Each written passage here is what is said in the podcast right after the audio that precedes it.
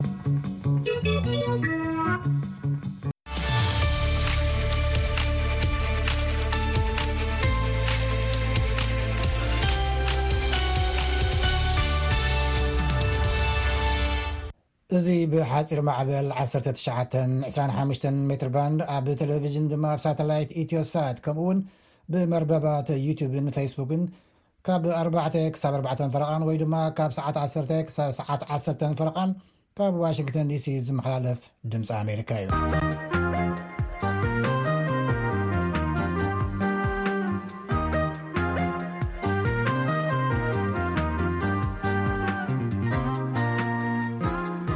እዚ ኣብ ፍሉይ ጉዳያት ኣተኪሩ ዝዳሎ መደብ ቀዳመ ሰንበት እዩ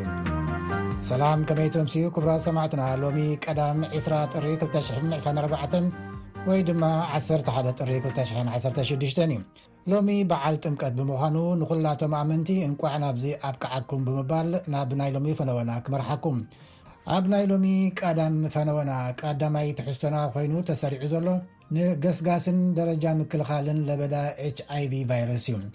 ኣብ ሰባት ካብ ዝረአ ድሮ ኣርዓ ዓመት ኣሕሊፉ ዘሎ ኤች ኣይቪ ኤድስ ፈውሱ እኳ እንተ ዘይተረኽቦ ሕጂ በጺሕዎ ዘሎ ደረጃታት ሕክምና ግን ነቲ ሕማም ኣዝዩ ኣጉዲልዎ ምህላው እዮም ክኢላታት ዝሕብሩ። ጋሻና ዶክተር ዳውድ ስራጅ መምህር ዩኒቨርሲቲ ዊስከንስንን ክኢላ ተመሓለፍቲ ሕማማትን እዩ ገብረ ገብረመድህን እዩ ዓዲምዎ ሕጂ ናብኡ ከስግረኩም ይቀነለይ ዶክተር ዳውድ ሲራጅ ጋሻ ድምፂ ኣሜሪካ ምዃንካ ኣዘየመስግን ሙያኻን ዓውድታት ምርምራትካን እንታይ ከም ትሰርሕ ንሰማዕትና ፍለፀና የቐኔለይ ገብረ ነዊሕ ግዜ ኮይኑና እሞ ከምቲ ዝበልካዮ ዳውድ ስዒድ ስራጅ ይበሃል ናይ ተመሓላላፋይ ሕማም ፕሮፌሰር እየ ዝሰርሐሉ ቦታ ዩኒቨርሲቲ ኦፍ ዊስካንሲን ማዲሰን ኣብ ስቴት ኦፍ ዊስካንሲን እዩ እቲ ዓብዪ ስራሕ ዝሰርሖ ብተመሓላላፋይ ሕማም ብተፈላለየ ነገር እንኳ እንተኾነ ብተለይ ብተለይ ግን ኣብ ኤች ኣይ ቪ ኤድስ ኣብ ሄፐታይትስን ተመሳሰሉ ሕማማትን እየ ዘድህብ ብተወሳኻይ ናይቲ ናይ ኤች ኣይቪ ትምህርቲ ንህቦ ንተምሃሮም ይኹን ነርስታት ይኹን ዝተፈላለዩ ናይ ሕክምና በዓል ሙያታት ዲሬክተር ኮይኑ እየ ዝሰርሕ ብተወሳኺ ድማ ብዚ ግሎባል ሄልዝ ንብሎ ልምድን ትምህርትን ካብ ዝዓበያ ዓድታት ናብ ዝዓብያ ዘለዉ ዓድታት ንምትሕልላፍን ንምልውዋጥን ብዝግበር ትምህርቲ ግሎባል ሄልት ዝበሃል ናቱ ናይቲ ዲፓርትመንትና ዲሬክተር ኮይኑ እየ ዝሰርሕ ፅቡቅ የቀኒለይ ዶክተር ዳውድ እዚ ኣብ ኤች ኣይቪ ኤድስ ዘሎ ኣረዳድኣ ኣረኣእያ ኣብዚ ሕዚ እዋን እንታይ እዩ ከም ስግኣት ድዩ ዝሪኦ? ሸለልትነት? ምርሳሕ? ከመይ ኢኻ ትገልፆ ኣብዚ ሕዚ ሰዓት ብዛዕባ ኤች ኣይቪ ዘሎ ኩነታት? የቐንየለይ። ኤች ኣይቪ ከምቲ ትፈልጦ ዳርጋ ኣስታት ኣርብዓ ዓመት ኮይኑ እውን ካብዚ ዓለም መፅዩ ዓብዪ ለውጥታት ካብ ዘካይድ ብሓቂ ንምዝራብ እና ኣብቲ መጀመርያ ግዜ ዝነበሮ ስምዒትን ጭንቀትን ስትረስን ምስቲ ሕዚ ዘሎ ብጣዕሚ ኣይወዳደርን። ክንዛረበሉ ኢና ናብ ዲቴል ናኣተና ግን እዚ ብምዃኑ ድማ ናይ ቸለልትነትን ናይ ምርሳዕን ስምዒታት ኣብ ሕብረተሰባት ብሰፊሑ እዩ ዝረአ ኢንፋክት ኣብቲ ሕዚ ግዜ ብዘለና ናይ ሕክምና መሳርሒ ዓይነታትን መከላኸሊ መሳርያታትን ብትክክል ሰብ ተጠንቂቑ እንተዝነብር መድሓኒቱ እንተዝወስድ ካብተሉ ንላዕሊ ናይዚ ሕማም እዚ ኣስጋእነት ዳርጋ ሙሉእ ብምሉእ ክቕረፈሉ ዝኽእል ዕድል ዝበፅሕናሉ ግዜ እዩ ግን ከምተ ዝበልናካ ኩሉ ግዜ ሳይንስ እንታይ እዩ ክትዕወት ተለካ ሳክሰስፉል ዝኾነ ኢንተርቨንሽን ንብሎ ወይ ድማ ሕክምና ክርከብ ተሎ ቸለል ናይ ምባል ናይ ሕብረተሰብ ልቐቕ ናይ ምግባር ነገራት ከም ዝረአ እዩ ከም ተፈሰር ልክዕ ከም ቫክሲን ማለት እዩ ብጣዕሚ ዝቐትል ሕማም መፅዩ ክትባት መፅዩ እንድሕር ደኣ ሙሉእ ንሙሉእ ተለዊጥዎ እቲ ሰብ ዳርጋ ናብ ምርሳዕ እዩ ዝኣቱ እና ከምኡ ዓይነት ስምዒታት ከም ዘሎ ይርደአኒ እዩ ግን በጠቃላይ ሕዚ እውን ተኾነ ሕዚ እቲ ናይ ዓለም ዳታ ክትሪኦ ተለኻ ብ ዕስራን ብ ክልተ ሽሕን ዕስራን ሰለስተን ዓመተ ምህረት ናይ ዓለም ተሓባበሪ መንግስታት ዘውጽኦ ዓመታዊ ዳታ ክትሪኦ ተለኻ ክሳብ ሰላሳን ትሽዓተን ሚልዮን ሰብ ኤች ኣይቪ ዘለዎ ኣብዚ ዓለምና ይነበር እዚ ድማ ብ ክልተ ሽሕን ዕስራን ክልተን ማለት እዩ ክልተ ሽሕን ዕስራን ሰለስተን እቲ ሪፖርት ድኣ ይውጻእ እምበር ሓደ ነጥቢ ሰለስተ ሚልዮን ዝኣክል ሰብ ኣብ ሓንቲ ዓመት ኢንፌክትድ ኮይኑ ይግመት እዚ ብጣዕሚ ዓብዪ ኦፖርቹኒቲ እዩ ንዓና ነቲ ሕማም ንምፅባብ ምክንያቱ ኣብዛኝኡ እዚ ከመይ ክምተሓላልፍ ከም ዝኽእል ብቑዕ ዝኾነ ፍልጠት ኣለና በሃላይ እየ ብቲ ዘሕዝን ድማ ካብ ሽዱሽተ ሚእትን ሰላሳን ሺሕ ሰብ ንላዕሊ ዝሞተሉ ኩነታት እዩ ብሓንቲ ዓመት እዚ ክትሪኦ ተለኻ ስቑኢልና ብዓለም ክንሪኦ ተለና ስቑኢሉ ይበዝሕ እምበር እንተፅብብ እንድሕር ኣቢልካዮ ናብ ዓበይቲ ዓድታት ናይ ኢኮኖሚክ ሪሶርሰን ሊሚትድ ዝኾነ ናይ ትምህርቲ ደረጃን ንታሕቲ ዝወረደ ኣብ ውግእ ዘለዋ ኣብ ሕንፍሽፍሽ ዘለዋ ዓድታት እቲ ዝዓበየ ሸኽሚ እየን ዝሽከምኦ ምክንያቱ እዚ ሕማም እዚ ሕክምና እንተረኪብካና መድሓኒት እንድሕር ወሲድካ ናይ ምትሕልላፍ ዕድሉ ክሳብ ዚሮ ፐርሰንት ዝበፅሐሉ ግዜ ኢና ዝኒኤና እና እዚ ከም ታሽሙ ከም መእተዊ ክኾንና ይኽእል እዩ ግን በጠቃላይ ክሳብ ሕዚ ክሳብ ሰማንያን ሓሙሽተን ሚሊዮን ሰብ ዝኸውን ሰብ ኢንፌክትድ ኮይኑ እዩ ኣብ ዓለም ብዚ ኣርባዓ ዓመት እዚ ካብ ኣርባዓ ሚሊዮን ዘይነኣኣስ ሰብ ድማ ሞይቱ እዩ እወ ቁሩብ ኣጽብም ነብሎ ዝበልካዮ ናብቲ ከባቢና ናብ ኢትዮጵያ ናብ ኣብቲ ቀርኒ ኣፍሪካ ናብ ኤርትራ ኣጽብብ ኣቢልካ ድማ ኣብ ትግራይ እዚ ኣረዳድኣ እዚ ኣረኣእያ እዚ ከመይ እዩ ዘሎ ብግብሪ እቲ ሰብ ሕዚ እውን ከም ሓደገኛ ሕማም ድዩ ዝሪኦ ዘሎ ወይስ ምስቲ ኣብ ግጭት፣ ኣብ ሁከት፣ ኣብ ኩናት ምህላው ብዙሕ ኣቓልቦ ከም ካልኣዋይ ደረጃ ገይርካ ናይ ምርኣይ ዶ ኣሎ እስቲ ሓሳባት ሃበሉ። እያ እሞ እቲ ውግእ ከመይ እንታይ ዓይነት ጽልዋ ኣብጺሕሉ ዝብል ድሓር ምንውይኑ ክንርእዮ ባጠቃላይ ግን ሕዚ ንምሳሌ ኣብ ኢትዮጵያ ክትርኢ ተለኻ እቲ ቁጽሪ ኣብ ኢትዮጵያ ክሳብ ሽድሽተ ሚእትን ዓሰርተ ሓሙሽተን ሰብ ሽሕ ዘብ ዝኾን ኢንፌክትድ ዝኾነ ኣሎ ተባሂሉ ዝግመተሉ እዩ ባይዘወ ምስቲ ናይ ቀደም ዝነበረ እዚ ቁፅሪ ብጣዕሚ ብጣዕሚ ንሽተ እዩ ብጣዕሚ ዘሕጉስ እውን እዩ ወራርድኡ ዜሮ ነጥቢ ሓሙሽተ ፐርሰንት ናይቲ ሕብረተሰብ ክፍሊ እዩ ኤች ኣይቪ ይህልዎ ተባሂሉ ዝግመት እዚ ድማ ብ ክልተ ሽሕን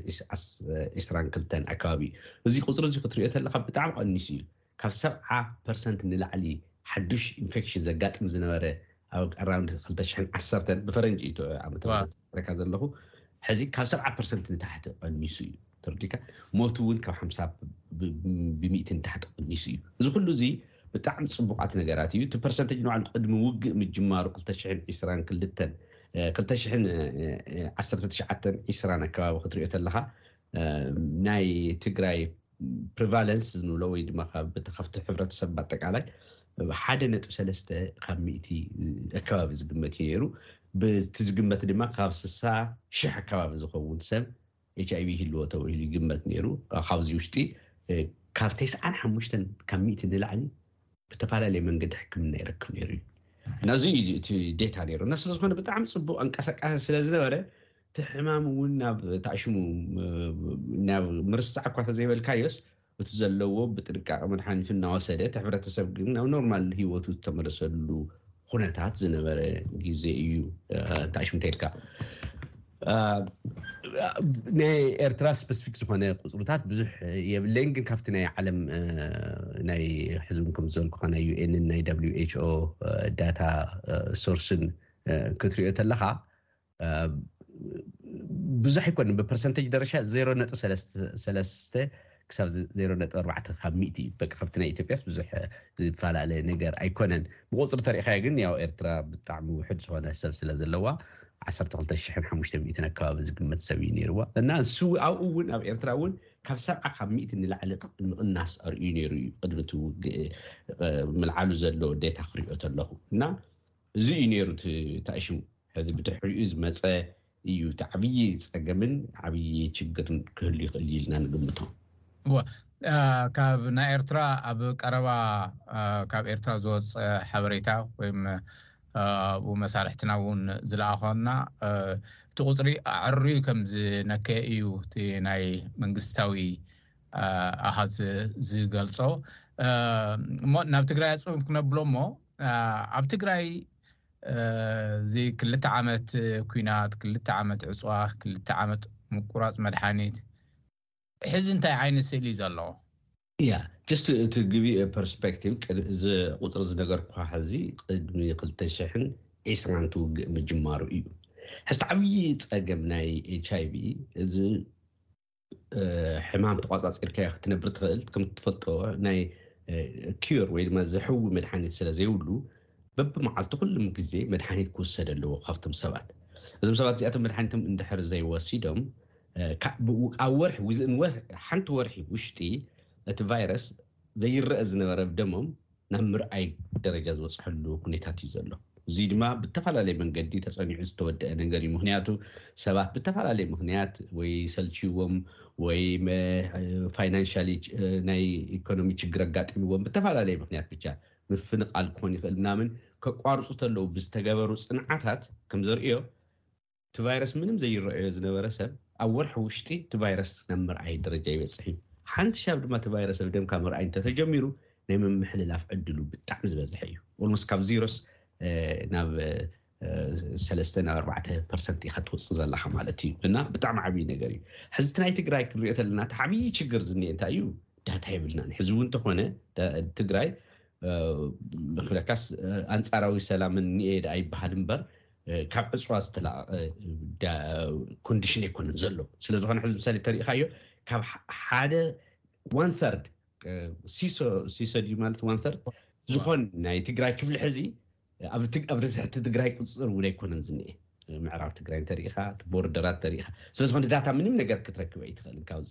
ካብተን ዘለዋ እውን ተሪኢኻየን ኣብታ መቐለ ከባቢ ዘሎ ዴታ ኢኻ ክትርኢ ትኽእል እምበር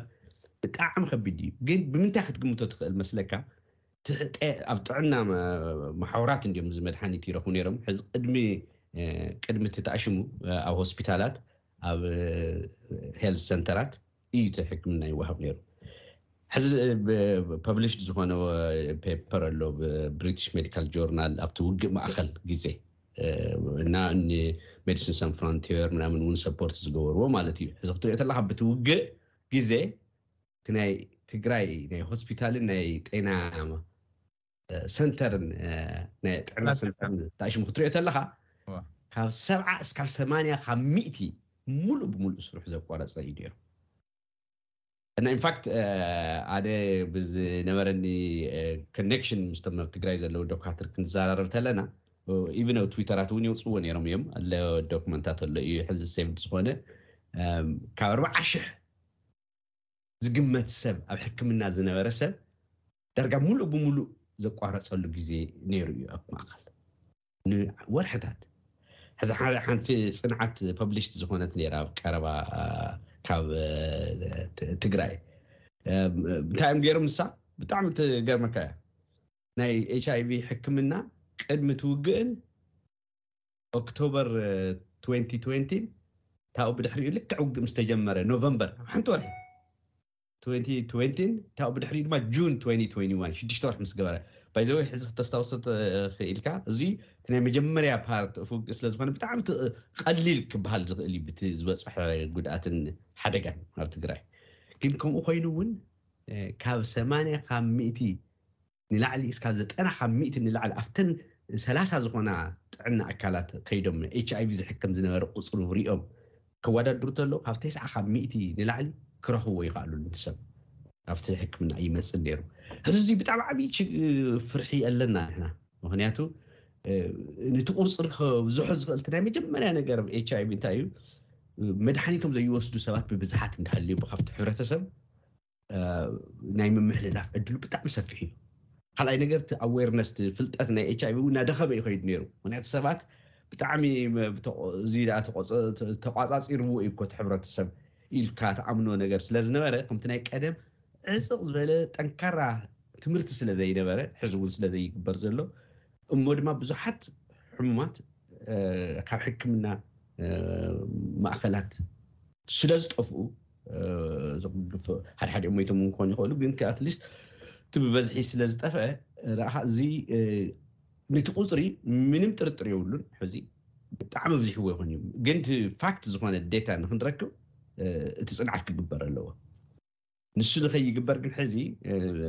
ብገዳሲ መልክዑ እቲ ናይ ሕክምና ናይ መመርመሪ መሳርሕታት ኬሚካላት እቲ ማሽናት ብምልኡ ተማሊኡ ክኣቱ ኣይከኣለን ዝኒኦ ኣብ ትግራይ ኣብ መቐለ ኣካባቢ እዩ እምበር ሕዚ ናብ ኣክሱም ናብ ዓድዋ ናብ ሽረ ወፂኻ ድማ ነተነናእሽተይ ጥዕና ኣካላት ተኸይድካ ምንም ዓይነት ኣሽሙ ስለ ዘየለ ገና ይጅምራ ዘለዋ ስለ ዝኾና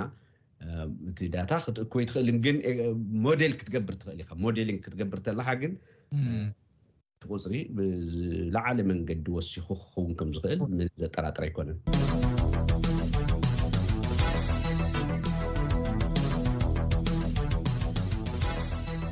ዋሽንግተን ዲሲ ዝመሓላለፍ ድምፂ ኣሜሪካ ኢኹም ትሰምዑ ዘለኹም ክብራትና ንህልዊ ደረጃ ኤች ኣይv ኤድስን ፈውሲ ንምርካብ ምስ ዝግበር ዘሎ በበይኑ ፈተናታትን ኣመልኪቱ ምስ ክኢላ ተመሓለፍቲ ሕማማትን መምህርን ኣብ ዩኒቨርሲቲ ዊስኮንስን ዝኾነ ዶክተር ዳዊት ስራጅ ኢኹም ትከታተሉ ዘለኹም ገብረ ገብረ መድህን እዩ ኣዘራሪቦ ሕጂ ናብኡ ክመልሰኩም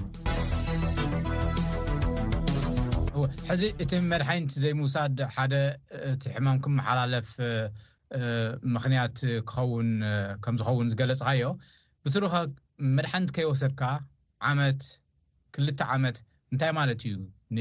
ብኤችኣይቪ ንዝሓመመ ሰብ ወይ ድማ ብኤችኣይቪ ንዝተትሓዘ ሰብ እንታይ ማለት እዩ ብሂወት ክዘልቕ ይኽእል እዩ ዓመት ክልተ ዓመት ኤች ኣይቪ ኣብ ናይ ሓደ ሰብ ሰውነት ኣትዩ ዝኸይደሉ ናይ ሕማም ፍጥነት ብጣዕሚ እተፈላለየ እዩ ካብ ሰብ ሰብ እዙይ ድማ ቀደም መድሓኒት ከይመፀ ከይበፀሕናሉ እንተለና ዝተገበሩ ብጣዕሚ ብዙሓት ፅንዓታት ኣለዉ እዮም ሓደ ሓደ ሰባት ካብታ ዝተለኸፉላ መዓልቲ ጀሚራ ብሓንቲ ዓመት ወይም ብክልተ ዓመት ክቆፃፀርዎ ስለ ዘይከኣሉ ዝሞቱ ሰባት ኣለዉ ዝተፈላለየ ምክንያት እውን ክህሉ ይኽእል ካሊእ ኢንፌክሽን እውን ኣለካ ዶ ቲቪ ኣለካ ዶ ካሊእ ኢንፌክሽን ኣለካ ዶ ዝብል እውን ምስኡ ናይ ኒትሪሽን ናይ ምግቢ ኩነታትካ ከመይ እዩ ምናምን እውን ክውስኽ እዩ። ሕዚ ኣብ ትግራይ ከምቲ ትርእዮ ብምግቢ እውን ዝተጎደአ ሰብ እዩ፣ ብኑሮ እውን ዝተጎደአ ሰብ እዩ ዝኒኤና እና እቲ ፍጥነቱ ናይ ምፍጣን ዓቕሙ ዓብዪ እዩ። ግን ወላ መድሓኒት ከይሃለወ ክሳብ ሸውዓተ እስካብ ዓሰርተ ዓመት ዝፀንሑ ሰባት ነይሮም እዮም።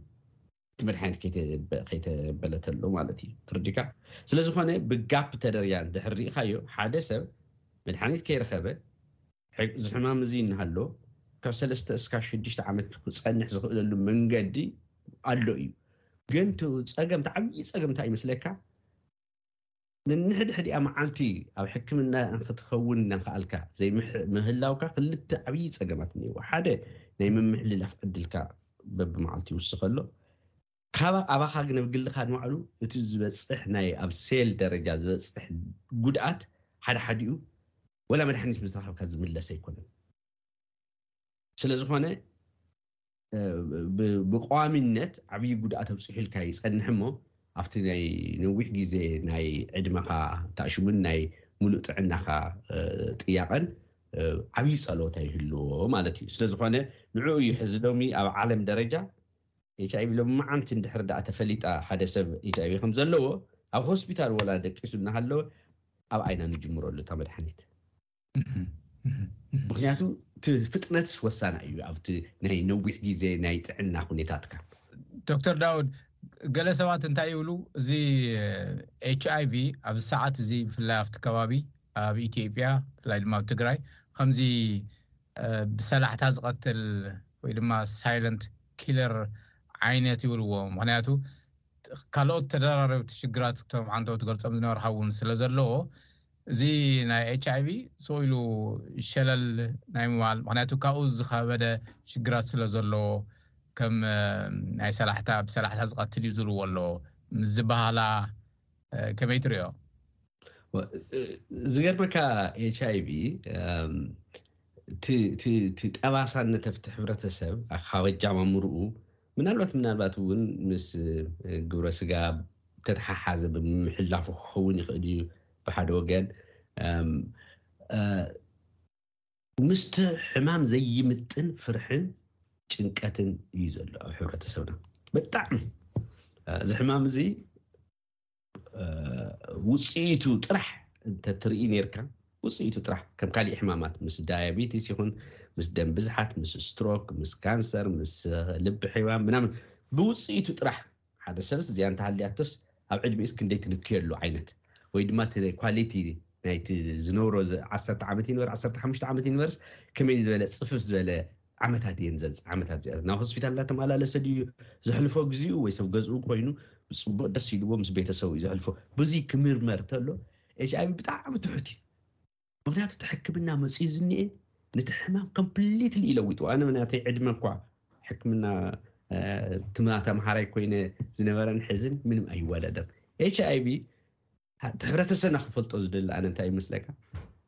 መድሓኒት እንድሕር ደኣ ወሲድካ፣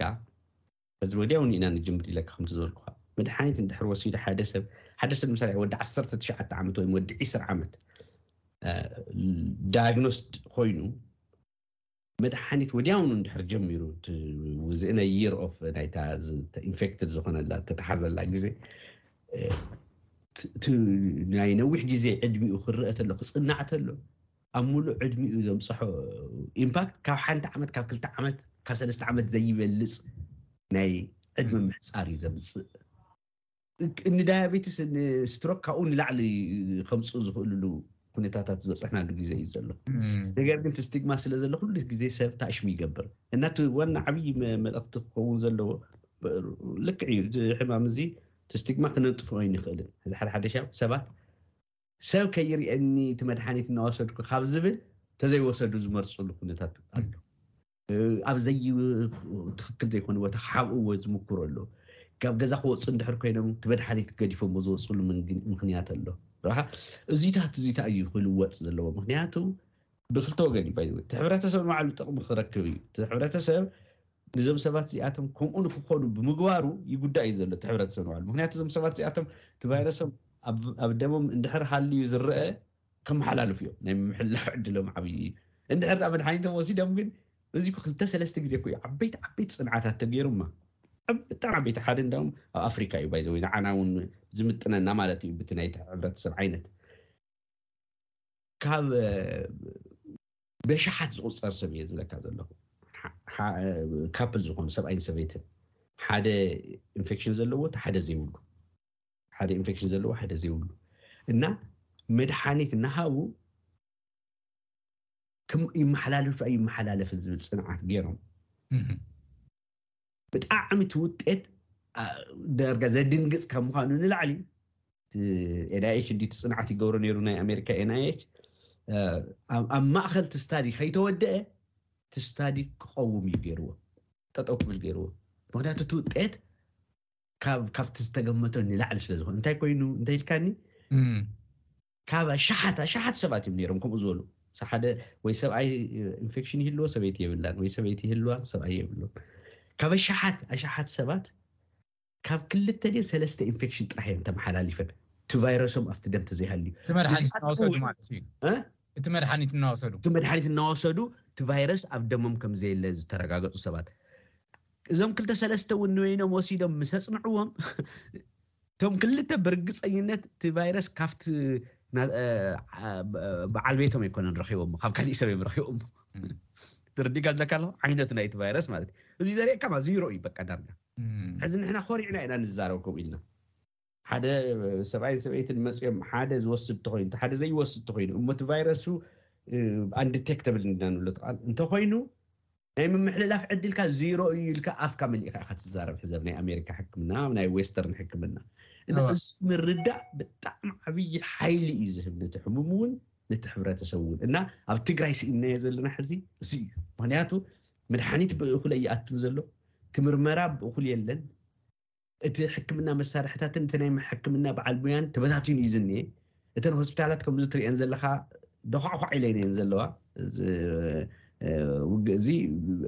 ብጣዕሚ እዩ ዲስትሮ ገይርዎ ንቲ ናይ ጥዕና ታሽሙ እና እዙይ ቶሎ ኢልካ መሊስካ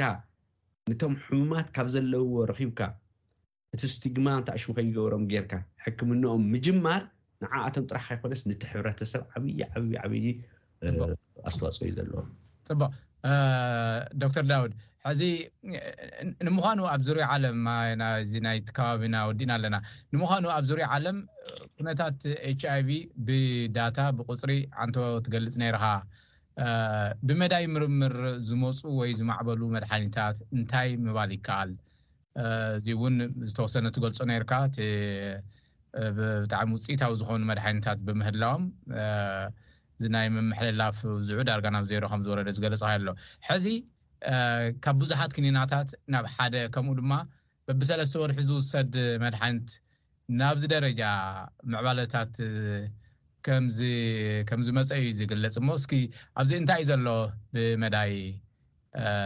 መድሓኒታት ብመዳይ ምርምራት ኤችኣይቪ መቸስ ብዙሕ ብዙሕ ገንዘብ ዝፈሰሶ ሕማም እዩ ብምርምር ደረጃ ተሪኢኻ እቲ ሕብረተሰብ እውን ከም ሕብረተሰብ መጠን ንሕና ኩሌና ካብዚ ትሩፋት ረኪብናዮ ኢና ንኤችኣይቪ ብቅጥታሉ ጥራሕ ኣይኮነስ ሕዚ ናይ ሄፓታይትስ ሲ ሄፓታይትስ ቢ ንብሎም ሕማማት መድሓኒቶም ቀጥታ ካብቲ ናይ ኤችኣይቪ ምርምር እተረኸቡ መድሓኒታት እዮም እዚኣቶም ሙሉእ ንሙሉእ ሕዚ ሄፐታይትስ ሲ ዝበሃል መድሓ ሕማም ክጅምር ተለኹ ኣነ እኳ ሓኪም ኮይነ ሙሉእ ንሙሉእ ናይ ምሕዋይ ዕድሉ ብጣዕሚ ንእሽተ እዩ ነይሩ እቲ መድሓኒት እውን ብጣዕሚ ብዙሕ ሳይድ ኢፌክት ዘለዎ ሕሙ- መድሓኒት ካብ ምዃኑ ንላዕሊ እ፣ ቁርባት ሰባት እዮም ዝወስድዎ ነይሮም ካብ ዓመት ንላዕሊ እዮም ዝወስድዎ ነይሮም ሕዚ ሓንቲ ክኒና ንመዓልቲ እናወሰድካ ንሰለስተ ወርሒ ናይ ምሕዋይ ዕድልካ ዳርጋ ተስዓን ትሽዓተን ካብ ሚእቲ እዩ ሄፐታይትስ። እዚ ኩሉ ካብቲ ናይ ኤችኣይቪ ምርምር እዩ። እቲ ምርምር ንሱ ኣብ ኤችኣይቪ እውን ዓብዪ ለውጢ የምፅኡ። ኣነ ክጅምር ተለኹ ሕክምና ሸሞንተ ዓሰርተ መድሓኒት ዘይወስድ ናይ ኤችኣይቪ ሕሙም ኣይነበረን። እቲ ሓደ ተቕማጥ የምፀልካ፣ እቲ ሓደ ሰዓል የምፀልካ፣ እቲ ሓደ ከምዚ ይገብረካ። እቲ ሳይድ ኢፌክት ብጣዕሚ ብዙሕ ስለዝኾነ እቲ ናይ ምውሳድ እውን ኣድካማይ ስለዝኾነ ብዙሓት ሰባት መሊኦም ኣይወስድዎን ነይሮም። መሊኦም ስለ ዘይወስድዎ ድማ እቲ ቫይረስ እውን ኣብ ደሞም ኩሉ ግዜ ይረአ ነይሩ ችግር ነይሩ ማለት እዩ የመሓላልፉ ኩሉ ነ ሕዚ ኣብዚ ሕዚ በፂሕናዮ ዝኒኤና ግዜ ወላ ኣብ ኢትዮጵያ እኮ እዩ ዝገርመካ ኣብ ሩዋንዳ እውን ይመላለስ እየ ሕዚ ሰላም ስለዝኾኑ ንሳቶም ልክዕ ኣብ ሩዋንዳ ዝርከብ ዘሎ ሕክምና ካብ ኣሜሪካ ምንም ዝፈላለዩ ነገር የለን ኢትዮጵያ እውን ቅድሚ ውግእ ከምኡ እዩ ነይሩ ምክንያቱ ኣብዚ ናይ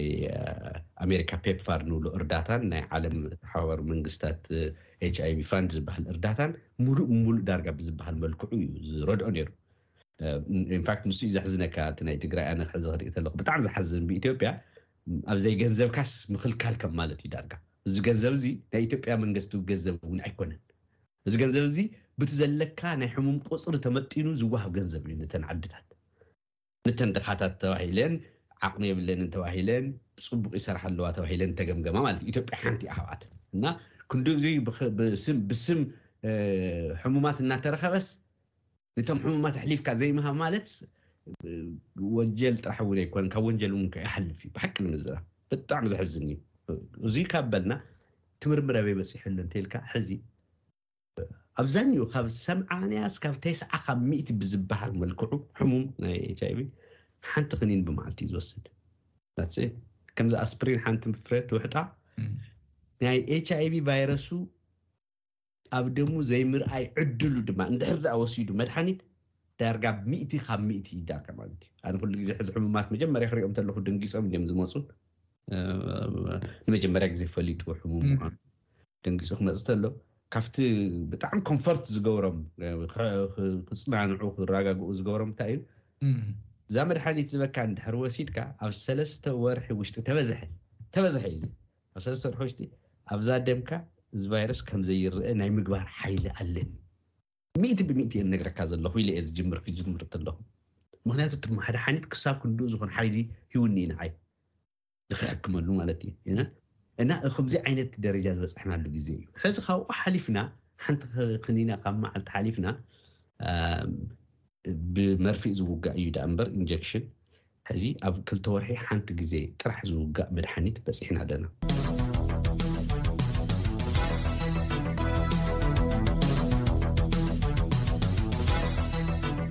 ንህልዊ ደረጃ ኤች ኣይቪ ኤድስን ፈውሲ ንምርካብ ብዛዕባ ዝግበር ዘሎ በበይኑ ፈተናታትን ኣመልኪቱ